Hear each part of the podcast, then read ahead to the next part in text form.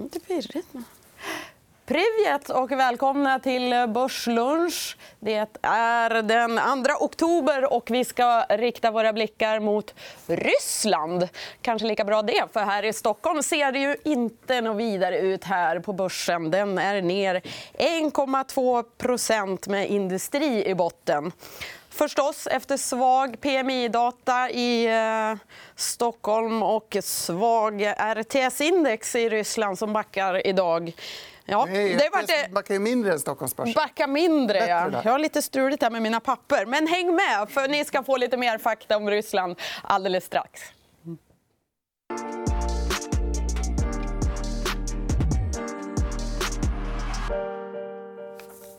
Mm, som sagt, ryskt tema och lite gladare humör på Moskvabörsen än i Stockholm. Väldigt roligt att ha er tillbaka, Beatrice Bersati och Lena Löfven.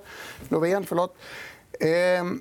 Beatrice, om vi börjar med ryska börsen. Alla kanske inte vet om riktigt hur starkt det har gått på sistone. Upp eh, en bra bit över 60 på tre år. Precis, 68% på tre år i svenska kronor. Och 50% av den tillväxten har skett i år. Så det har varit ett otroligt år för den ryska marknaden. Vad är det som driver den här utvecklingen? Jag tror det är olika faktorer. Framför allt så är det en um, lättnad på sanktionsfronten som är i alla fall en upplevelse av det från början av året. Och sen är det en viktig faktor också att bolagsstyret har förbättrats de senaste två åren kolossalt på de stora eh, och till och med statligt ägda bolag som Gazprom. Det har blivit väsentligt bättre. En modernisering, helt enkelt? Eller vad ska man kalla det? Eh, framför allt på utdelningsfronten. Att bolagen har blivit mycket, mycket generösare med sin utdelningspolitik vilket har drivit upp direktavkastning på börsen eh, till eh, nästan tvåsiffrigt på eh, många bolag. Kan man säga nåt om vilka branscher det är som har gått starkt? Ryssland är ju dominerad av exportbranschen. Det är framförallt olje, gas och energibranschen. Men sen även bankerna. Sberbank har gått väldigt bra. Eh, konsumtionsbolagen eh, ligger efter. Alltså det är lite fortfarande svagt på konsumentfronten. Men eh, det är framförallt olje, gas och finanssektorn. Vi tycker det är väldigt kul att ha er tillbaka. Vi snackade lite om det här sist ni var här. och Det har verkligen gått precis så starkt som ni lovade. Vi har en graf som visar rysk börsutveckling jämfört med övriga tillväxtmarknader i grönt. För tillväxtmarknader har ju inte haft en så kul svit på, på, på världens börser på sistone. Intressant också att eh, oljepriset rasat utan att... Liksom, har Rysslands eh, börs och ekonomi blivit mindre beroende av eh, oljepriset? Och framförallt har Rysslands valuta blivit mindre beroende av oljan? Eh, definitivt. Korrelationen mellan oljan och, rubeln har försvunnit helt och hållet de senaste två åren. Ett för att man har infört en norsk eh, budgetmodell. Ehm, och sen så har rubeln också haft en hög korrelation med sanktioner. Och I och med att sanktionstrycket lättar, precis som Jelena nämnde så tror vi också att rubeln kommer att vara mycket mer stabil framöver. Mm. Så förut så var rysk valuta alltså ett derivat på oljan. och nu på senare tiden har det varit en derivat på när amerikanerna slänger ut nya sanktioner. Precis. Ehm, och fokus i USA har nu skiftat från att ehm, leta efter trådar mellan Trump och Ryssland till ett handelskrig mellan Kina och USA så att Ryssland och sanktioner har blivit mycket mindre relevant. Mm. En chansning här. Eller förlåt, fortsätt du. Det är ju dock ett eh, jobbigt momentum med eh, investeringar för Ryssland. Det fortfarande finns många sanktionerade bolag som är fortfarande under sanktioner sen eh, Krim och Ukraina-kriget eh, för fem år sen. Mm. Så det är ett dilemma för många globala investerare om de får ens köpa. Där. Vi får ju köpa dem, vi får äga dem. Men jag tror det finns en, fortfarande ett, ett tröskel där att kliva över med Rysslands investering. Det är fortfarande ett problem. Men som förvaltare, då, tycker ni att det är ett bekymmer att, det, att ni möts av det här? Jag tycker personligen det är väldigt tråkigt. För att, eh, många av de här sanktionerna avser inte bolagens eh, business. De avser politiken. Det är politiska sanktioner, men de är riktade mot ryska bolag. Mm. Eh, så det blir inte rättvist i det här. Mm. Okay. Om jag får lägga till, jag tror nog att så fort man ser avkastning och framförallt långsiktig avkastning som vi nämnde på tre år på 69 då brukar investerarna också komma tillbaka efter ett tag. Och den här avkastningen den har du sett? Hörrni, en jättekonstig fråga. Det är mycket snack om Ukraina. Plötsligt Trump ber Ukrainas president om hjälp. Eh, stor skandal i USA. Kan det här få någon effekt på Ryssland? Kan man minska sanktionsviljan mot Ryssland? Att det inte bara är den enda utländska marknaden som kan påverka amerikanska val? Eller är ute på halis nu, kanske? Nej, men jag tycker det är en väldigt viktig poäng. För att förut så letade man som sagt efter bevis att Trump har samarbetat med Ryssland. och Man skapade en story kring det. Men nu när man ser att han också även samarbetar med den, ukrainska, den tidigare ukrainska presidenten och försökt att göra samma sak med den nya presidenten så visar det på att han egentligen försöker eh, prata med alla och det inte har med Ryssland specifikt att göra. Nej, det handlar mer om Vita huset. En helt annan fråga. Elena. Man brukar prata om Ryssland som en varannan års marknad. Det har gått jättebra nu. Ska man bli orolig då för att nästa år blir en kalldusch?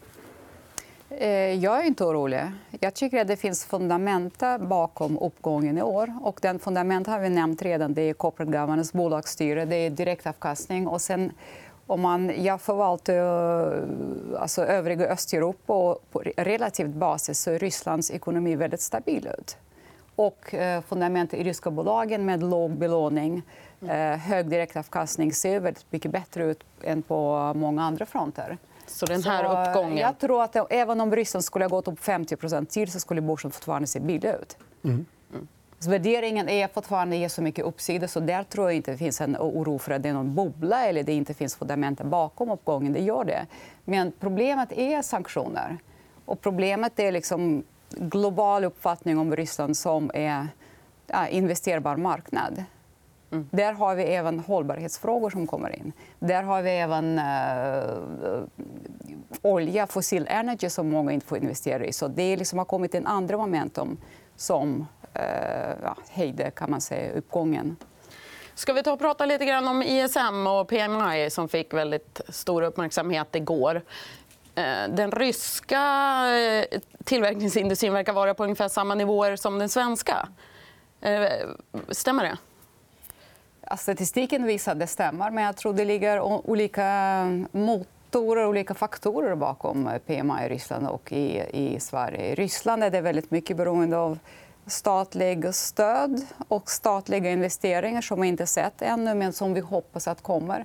Och Sverige lever ett helt annat liv. Så att jag menar, det, det kanske stämmer statistiskt, siffrigt, men det är inte samma det är inte samma anledning för det. Ja. Men vad, vad, har ni för känsla av eh, konjunkturen? Ni, du är där ungefär hälften av din tid. Ja, 2019 det är inte en särskilt upphetsande år, vare sig tillväxt eller PMI. Och så vidare. Men jag tror framöver, de närmaste två, tre åren eller till och med 4-5 så kommer vi se en ökning i bnp-tillväxt. Den går från kanske 1% till 2-3% långsiktigt.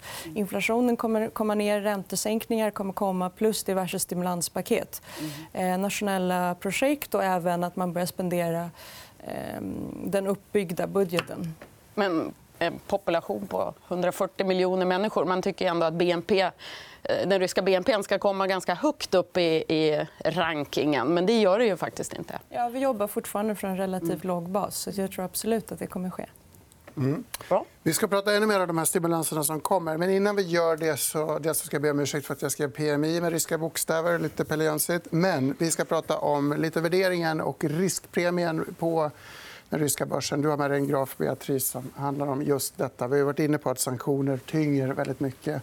Det är väl en faktor här också. Gissar Ja, precis. För att om man tittar på riskpremien så är den extremt låg faktiskt för Ryssland. Så att, eh, CDS-spreaden är på 0,9% och P-värderingen på inhemska bolag är 7 7,1 vilket är extremt lågt. Och sist vi såg en sån här låg värdering på de ryska inhemska bolagen eh, då låg risk, eller CDS på 4% så att Långsiktigt så borde vi definitivt se en ökning i värderingen. Mm.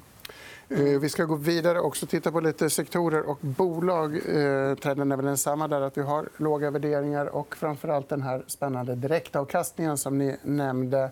Här ser vi olje, två stora tongivande ryska oljebolag, Lukoil och Tatneft i jämförelse med brasilianska Petrobras och BP.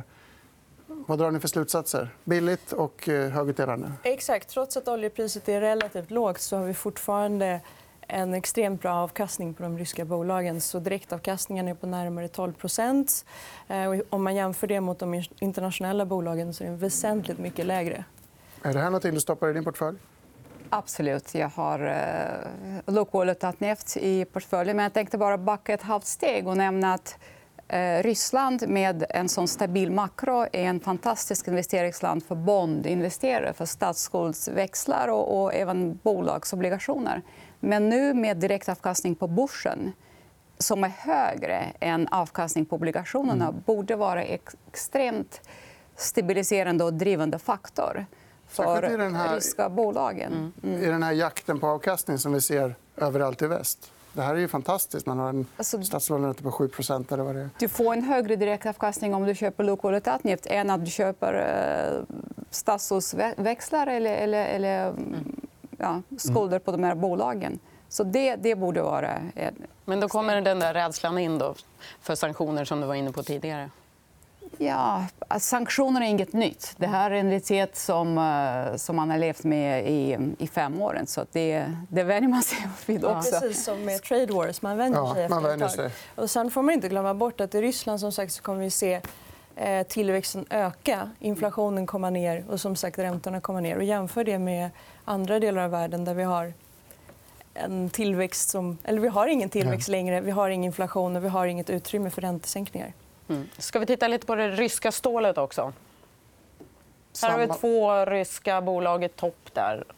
28% 26% Precis. Så det är på ROIC-talen. Och sen om man tittar på avkastningen så är vi igen 11, 12, 13% för de här bolagen. Och de, har en, de ryska stålbolagen har den lägsta produktionskostnaden globalt. Så även om globala stålpriser är ganska låga, tillväxten är inte särskilt bra så ser vi ändå den här typen av avkastning. Vad är det som gör att det är billigare? Då? Eh, att ta fram eh, stålproduktionen, att den är så mycket billigare där? Därför att man har resurser. så man har, väldigt, eh, billig, eller man har tillgång till billigt kol och billig järnmalm. Så det gör att hela produktionscykeln blir väldigt billig. Mm. Eller låg. Elena? Ja, det är många, precis som Beatrice sa, det är många av de här bolagen som är integrerade som har egen kol och järnmalmproduktion, som Severstal. Till exempel. Sen vill jag bara lägga till att det brukar finnas ett premium på riskstål, alltså inhemskt premium. Så att, eh, de där bolagen som säljer på ryska marknaden får ju bättre betalt för sin stål än, eh, än utländska bolagen. Vi ska titta på direktavkastningen du nämnde bara för att illustrera hur kittlande den faktiskt är. Skyhögt över allting annat vi ser på utvecklade marknader eller någonstans alls. Och I nästa graf ser vi också hur högt eh, det ryska ränteläget ligger, eller statslåneräntan. Det är på väg ner. Man sänkte i september om jag inte har fel, med 50 punkter. kommer att sänka igen. Och det är bara ett ben i den här stimulans som, som du har varit inne på, Beatrice, som, som ligger framför oss. Och det andra är ju det vi drömmer om i väst, återigen, att, att finanspolitiken också ska komma in och man ska få stimulanser från regeringshåll. Men det får man här snart. Ja, precis. Först och främst har man äntligen byggt upp en, eh, en budgetreserv på 500 miljarder dollar. Det var Putins mål. Eh, och när han väl har kommit upp till den siffran, vilket är i slutet av nästa år, så kommer man ser mer stimulanspaket.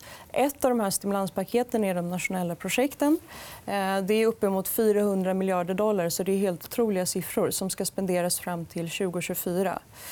Eh, vi på East Capital vi tror på att ungefär en tredjedel av det här kommer att gå till infrastruktur eh, och det kommer att gå till också bostadsbyggande. Mm. Vi har en liten graf här av infrastruktursatsningarna också. Här är summorna, Helena. Det, det finns en viss osäkerhet, men det kommer att bli väldigt massivt eh, garanterat. Eller vad ska man säga om magnituden? Ja, alltså, det är ingenting som är garanterat. Men det som är garanterat är att det finns enorma resurser hos staten. Och eh, jag vet att Putin uttryckt missnöje över att de där resurserna inte har blivit utnyttjade, eh, utnyttjade än. Mm. Men det finns också en anledning för det. Mm. Jag tror det är mycket som ligger på projektfas och det är mycket som har inte fått sin ekonomisk alltså, stöd för de här resurserna. Så vi, vi, vi vet inte när det kommer. Mm. Personligen så är jag lite försiktig till tajmingen av det här. Jag tror möjligen att nästa år kan bli lite av mellanöron också, 2020 med stimulanserna. Så att vi vet inte riktigt när de kommer. Men definitivt det finns budget för det. Men om vi, tänk, om vi bara tänker att en, en stor del av de här aviserade stimulanserna blir av. Då. Det borde ju rimligtvis vara mumma för stålbolagen. Kan man tänka hur mycket tror ni att stålbolagen kommer att gynnas av den här injektionen? Ehm, jag tror att de kommer gynnas ganska mycket. faktiskt. Och som Jelena sa, ett så kommer det här supporta de domestic premiums för stålpriserna. Mm. Två, efterfrågan på stål kommer definitivt öka. Så på Capital har vi räknat fram att ungefär ehm, att ståldemand kommer öka med 3,5% per år. och Det är bra. Och då har vi de här inhemska ryska stålbolagen som Severstal och MMK som kommer tjäna på detta. Du, vi har redan fått en teaser på den här fantastiska grafen. Programmets verkliga höjdpunkt. Den ser ut så här. Du får nästan guida oss igenom den här, Beatrice. Exakt. Det här är Scapitals eh, egna prognos på på efterfrågan på stål. Så som jag nämnde, så på 3,5% tillväxt ser vi Kager de närmaste åren till 2024. Eh, och en, tredjedel, en tredjedel av de här 25 miljarderna kommer då spenderas på infrastruktur och på bostadsbyggande. Och som vi redan har nämnt så kommer det här öka mm. efterfrågan på stål och diverse andra byggnadsmaterial. Jättespännande. En sista fråga Elena, innan vi rundar av. Det var lokalval i Moskva nyligen. Putin verkar få lite svagare, lite svalare kärlek från folket i opinionsmätningar. Spelar det någon roll för det vi pratar om idag, investeringscaset i Ryssland? Jag tror att det spelar inte någon större roll för investeringscasen eller för börsen, för börsvärderingen. Moskvavalet var en händelse i sig. Det var väldigt omskrivet i lokala medier. Mm. och Många av mina vänner har varit där och röstade och protesterade. Så det var en... Moskva lever sitt eget liv. Det är lite grann som New York. Det inte, reflekterar inte stämningen i hela Ryssland.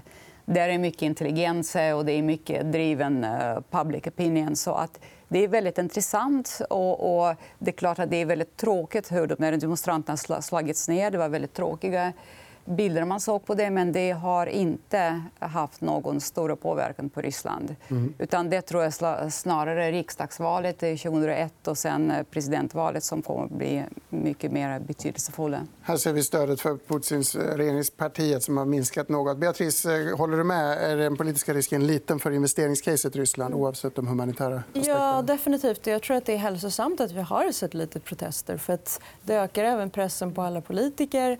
Och det är där de här reformpaketen också kommer in och stimulanspaketen. För man vill de facto göra den ryska invånaren lite gladare. Mm. Mm. Så långsiktigt så kommer det definitivt hjälpa börsen också. Jätteintressant. Bra. Glatt. Ja. Slut. Då säger vi spasiba för oss och eh, önskar er välkomna tillbaka imorgon. Då ska vi prata H&M förstås. H&M kommer med rapport. har ju också gått väldigt starkt. Lite för starkt befarar somliga. Per Andersson och Daniel Zetterberg hjälper oss att smälta kvartalsbokslutet. Här i studion 11.45 som vanligt. Das vidania. Men...